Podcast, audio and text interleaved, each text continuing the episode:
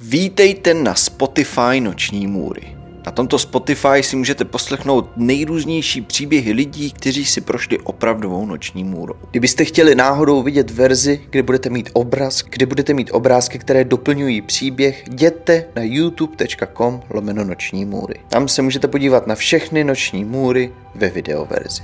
Teď už ale k našemu příběhu. Samantha Walford, které nikdo jiný neříkal jinak než jsem, měla od dětství jeden obrovský sen.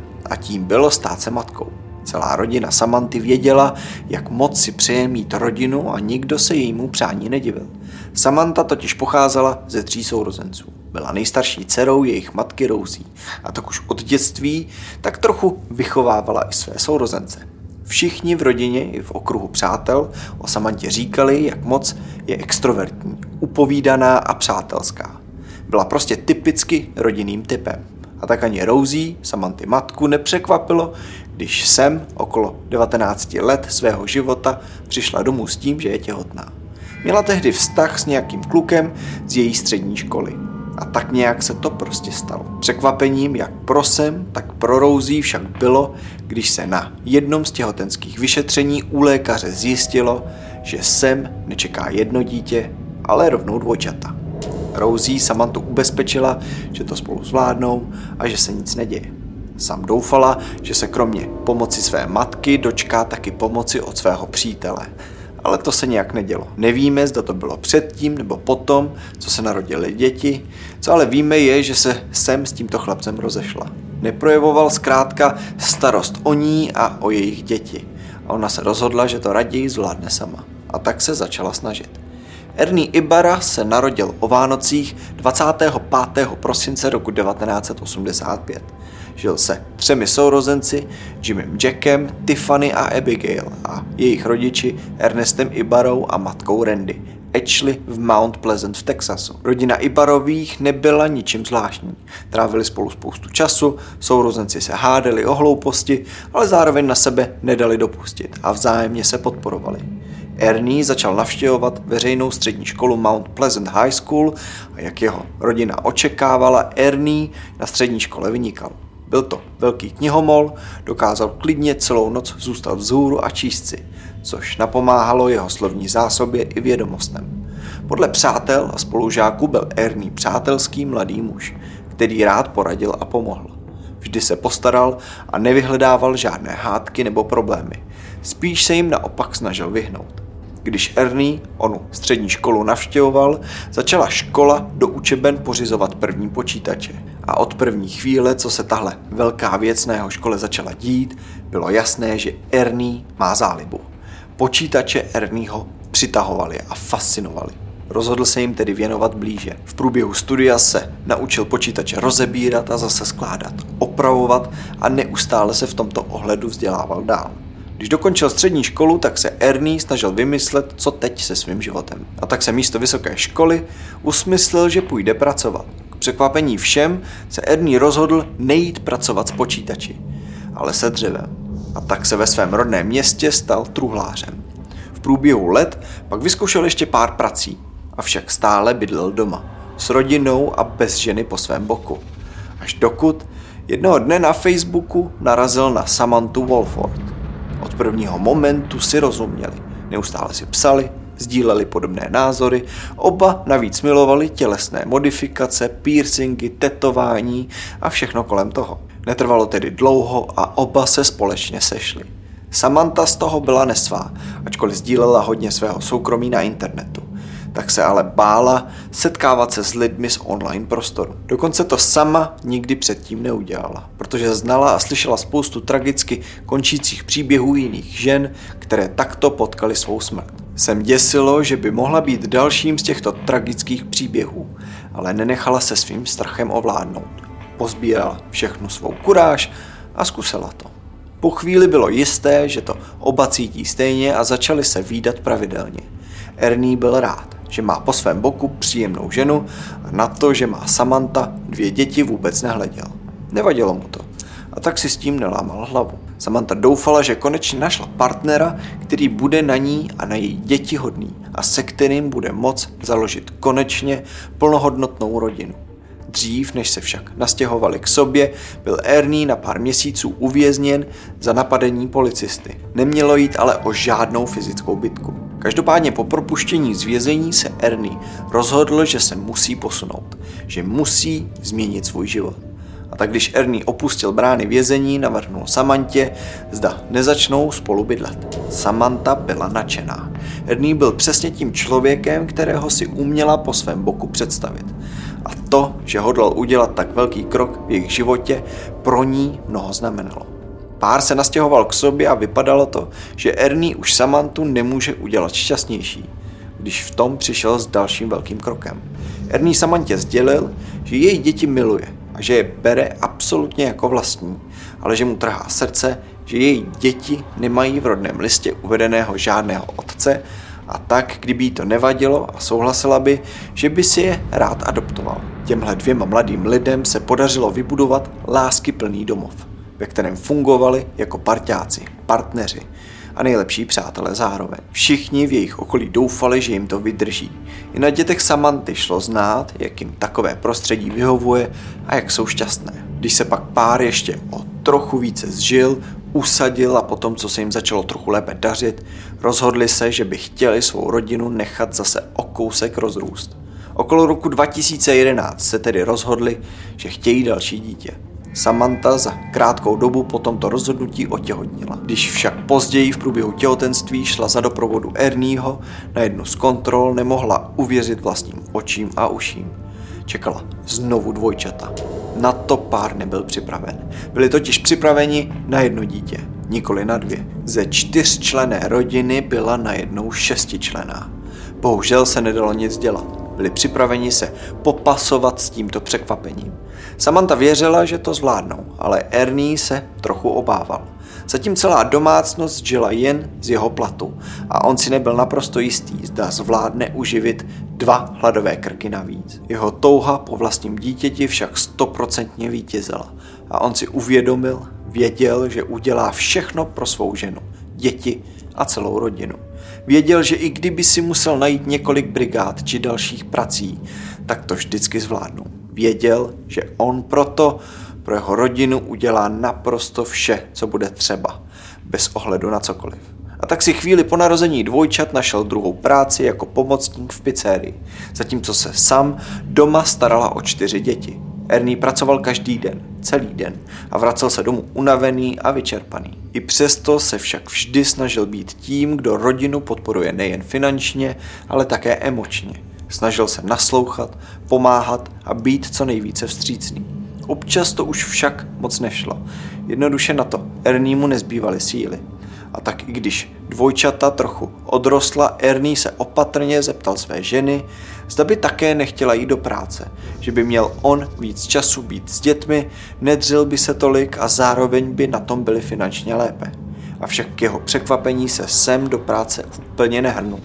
Být doma jí bavilo. Bavilo jí trávit čas na sociálních sítích a starat se o děti. Vidina práce nebyla to, co by se jí zamlouvalo té době Samantha sdílela opravdu hodně na svých sociálních sítích a nebylo výjimkou, že sem tam nahrála nějaké video i na YouTube.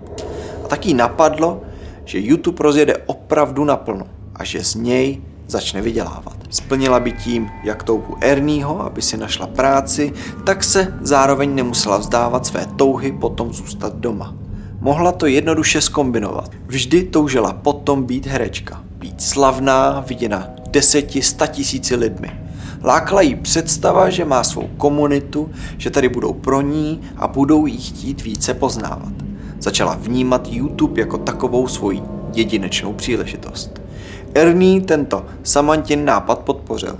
A to i přesto, že se jemu samotnému příčilo sdílet své soukromí s naprosto cizími lidmi. Chtěl však svou ženu podpořit a být její oporou. A pokud to mělo i něco přihodit do rodinného rozpočtu, tak proč by ne? A tak Samantha začala svůj YouTube kanál s názvem Simply Manic 6075 zásobovat videí. Celý ten kanál je tak nějak neuspořádaný. Samantha mluvila naprosto o všem. Její videa byla chaotická, jednou dělala make-up tutoriály, pak holy, pak natáčela své děti, jindy zase povídala o svém vztahu s Erním, někdy prostě jen seděla a povídala o tom, že neví, co má točit. Ernie nebyl úplně stotožněný s tím, že Sam vypráví o jejich rodině takhle otevřeně. Ze začátku to toleroval. Nicméně, když Sam neustále opakovala v jejich videích jeho jméno a dost detailně popisovala své soukromí, tak se mu to už moc nelíbilo. Ale to nejhorší na tom celém bylo, že Sam začala prakticky kompletně ignorovat své okolí. To byl moment, kdy mu začala jednoduše docházet trpělivost. Snažil se tady pro ní být, snažil se zaobstarat rodinu, snažil se podporovat svou ženu v rozjíždění jejího YouTube kanálu, ale už nemohl. Byl přepracovaný, vyčerpaný a už jednoduše nemohl takhle dál. Když se po večerech vracel domů, tak přestávalo být uklizeno, uvařeno a co víc, sem se postupně přestávala starat i o děti. A jen seděla s kamerou v ruce a snažila se vymyslet, co natočit, aby se její kanál rozjel. Ernieho to nebavilo. Nepřál si, aby byly obličeje jeho dětí po celém internetu. Jediné, co chtěl, bylo mít normální rodinu, ženu, která se snaží a pracuje která chce mít čas na své děti i přítele a která chce, aby si její rodina měla co nejlépe. Sem tohle jeho uvažování štvalo. Ona chtěla být známá, chtěla být slavná a potřebovala prostě jen víc času. Ačkoliv jí Ernie žádal, aby přestala dávat jejich děti na internet, Sam jako by ho neslyšela. Celý její svět se točil okolo YouTube a Ernie to nezvládl. Pár si tedy dal krátkou pauzu, ve které se Ernie dokonce na chvíli odstěhoval, protože už nevěděl, jak se svou ženou nadále soužít. Po chvíli se k sobě však opět vrátili a jako na zavolenou. Samantha totiž opět otěhotněla. Nebylo to radostné období, Sam o tom dokonce natočila video na svůj YouTube kanál, ve kterém říká, že není ten nejlepší čas na to, aby byla těhotná a že z těhotenství není zrovna nadšená, že to neplánovali. Zatímco Ernie se neskutečně bál. Už teď táhnul dvě práce a sotva zvládal uživit rodinu a teď mělo přibýt další dítě. A co když to budou do třetice opět dvojčata? Jak uživí další dva hladové krky? Celé těhotenství bylo hodně vyostřené. Ernie i Sam byli nesví z budoucnosti a celá situace nevypadala úplně správně. Ernie se však snažil věřit, že to zvládnou a chvíli po narození jejich třetího a celkem pátého dítěte požádal jsem o ruku. V roce 2014 se tedy pár vzal. Byl to malý, skromný ceremoniál, na kterém byla jen rodina a pár přátel. Nic zkrátka velkého. Po svatbě se chvíli zdálo, že se situace uklidnila. Dítě se přeci jen narodilo jedno, nebyly to další dvojčata a tak se situace až tak nezdramatizovala. Až jednoho dne k Sam a Erniemu přišla Ernieho sestra Abigail. Abby pomáhala Samantě s dětmi už v době před svatbou, kdy měl pár chvíli pauzu. A i teď se stavila, aby koukla na děti a pozdravila svou švagrovou. Při pokecu nad kávou na ní však Sam vyvolila nečekanou zprávu.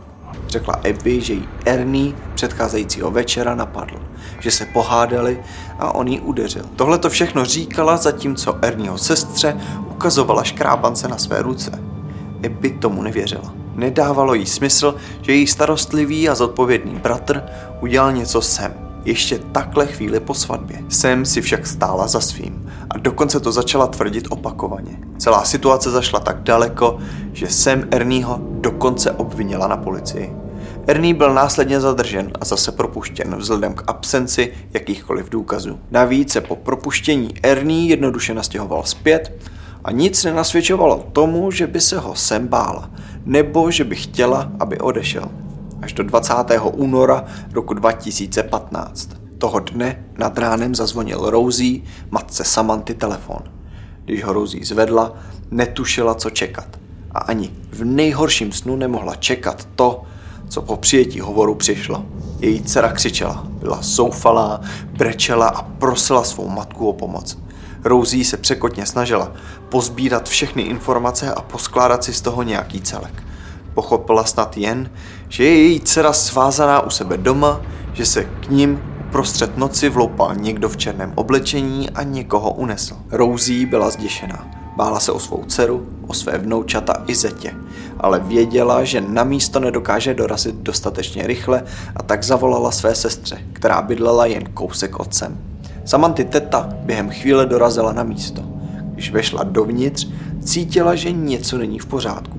Šla do prvního patra domu, kde našla sem. Byla svázaná, měla svázané kotníky, kusem látky a stejně i tak zápěstí.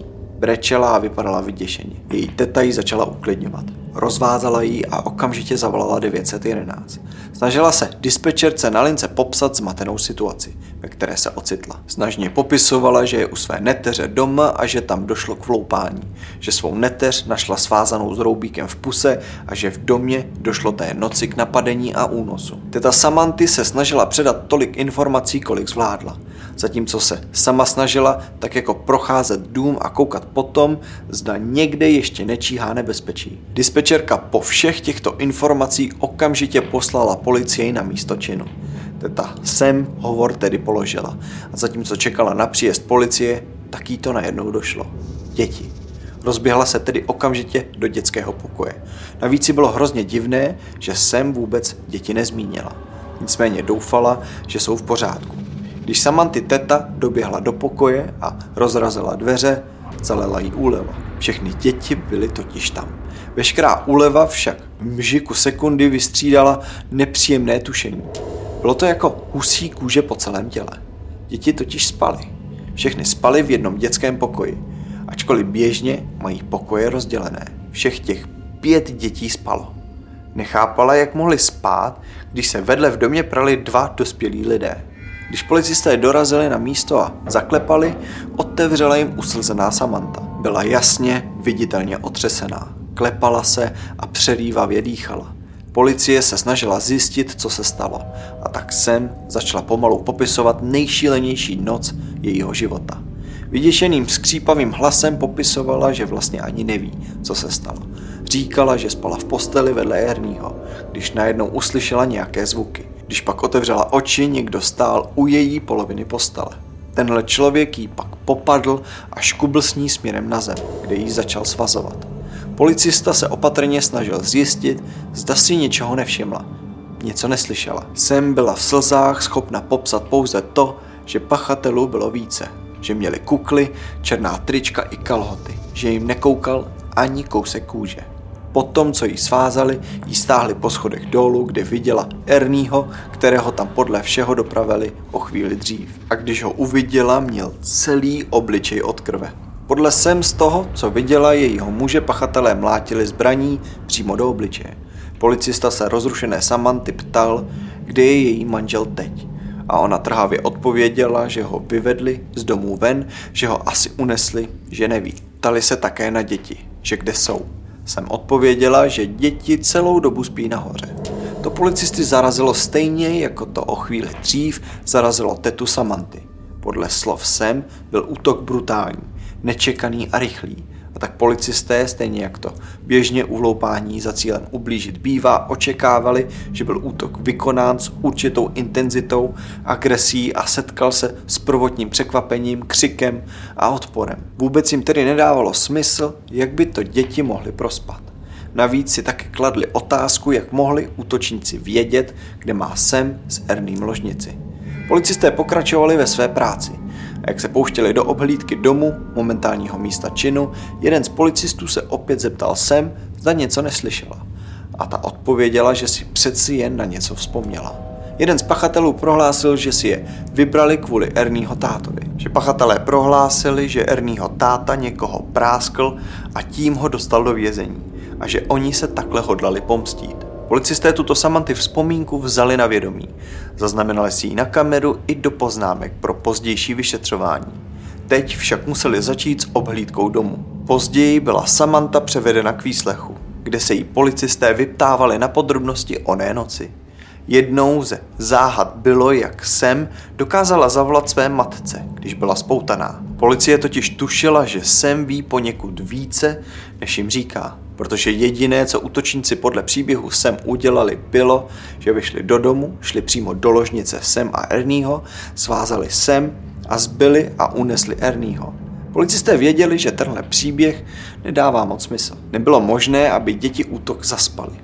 Nedávalo smysl, aby útočníci z domu nic nevzali a ani nic nepoškodili. Navíc jsem celou dobu policisty ubezpečovala o tom, jak moc se s Ernie milovali a že nikdy neměli žádný problém.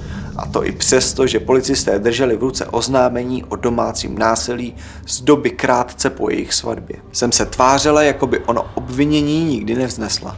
Zkrátka tady něco nehrálo. A tak policisté sem při výslechu dost dusili. Odvezli ji hned z místa činu na výslech a vyslýchali jí dlouhé hodiny. Policisté spolehali totiž na jednu taktiku.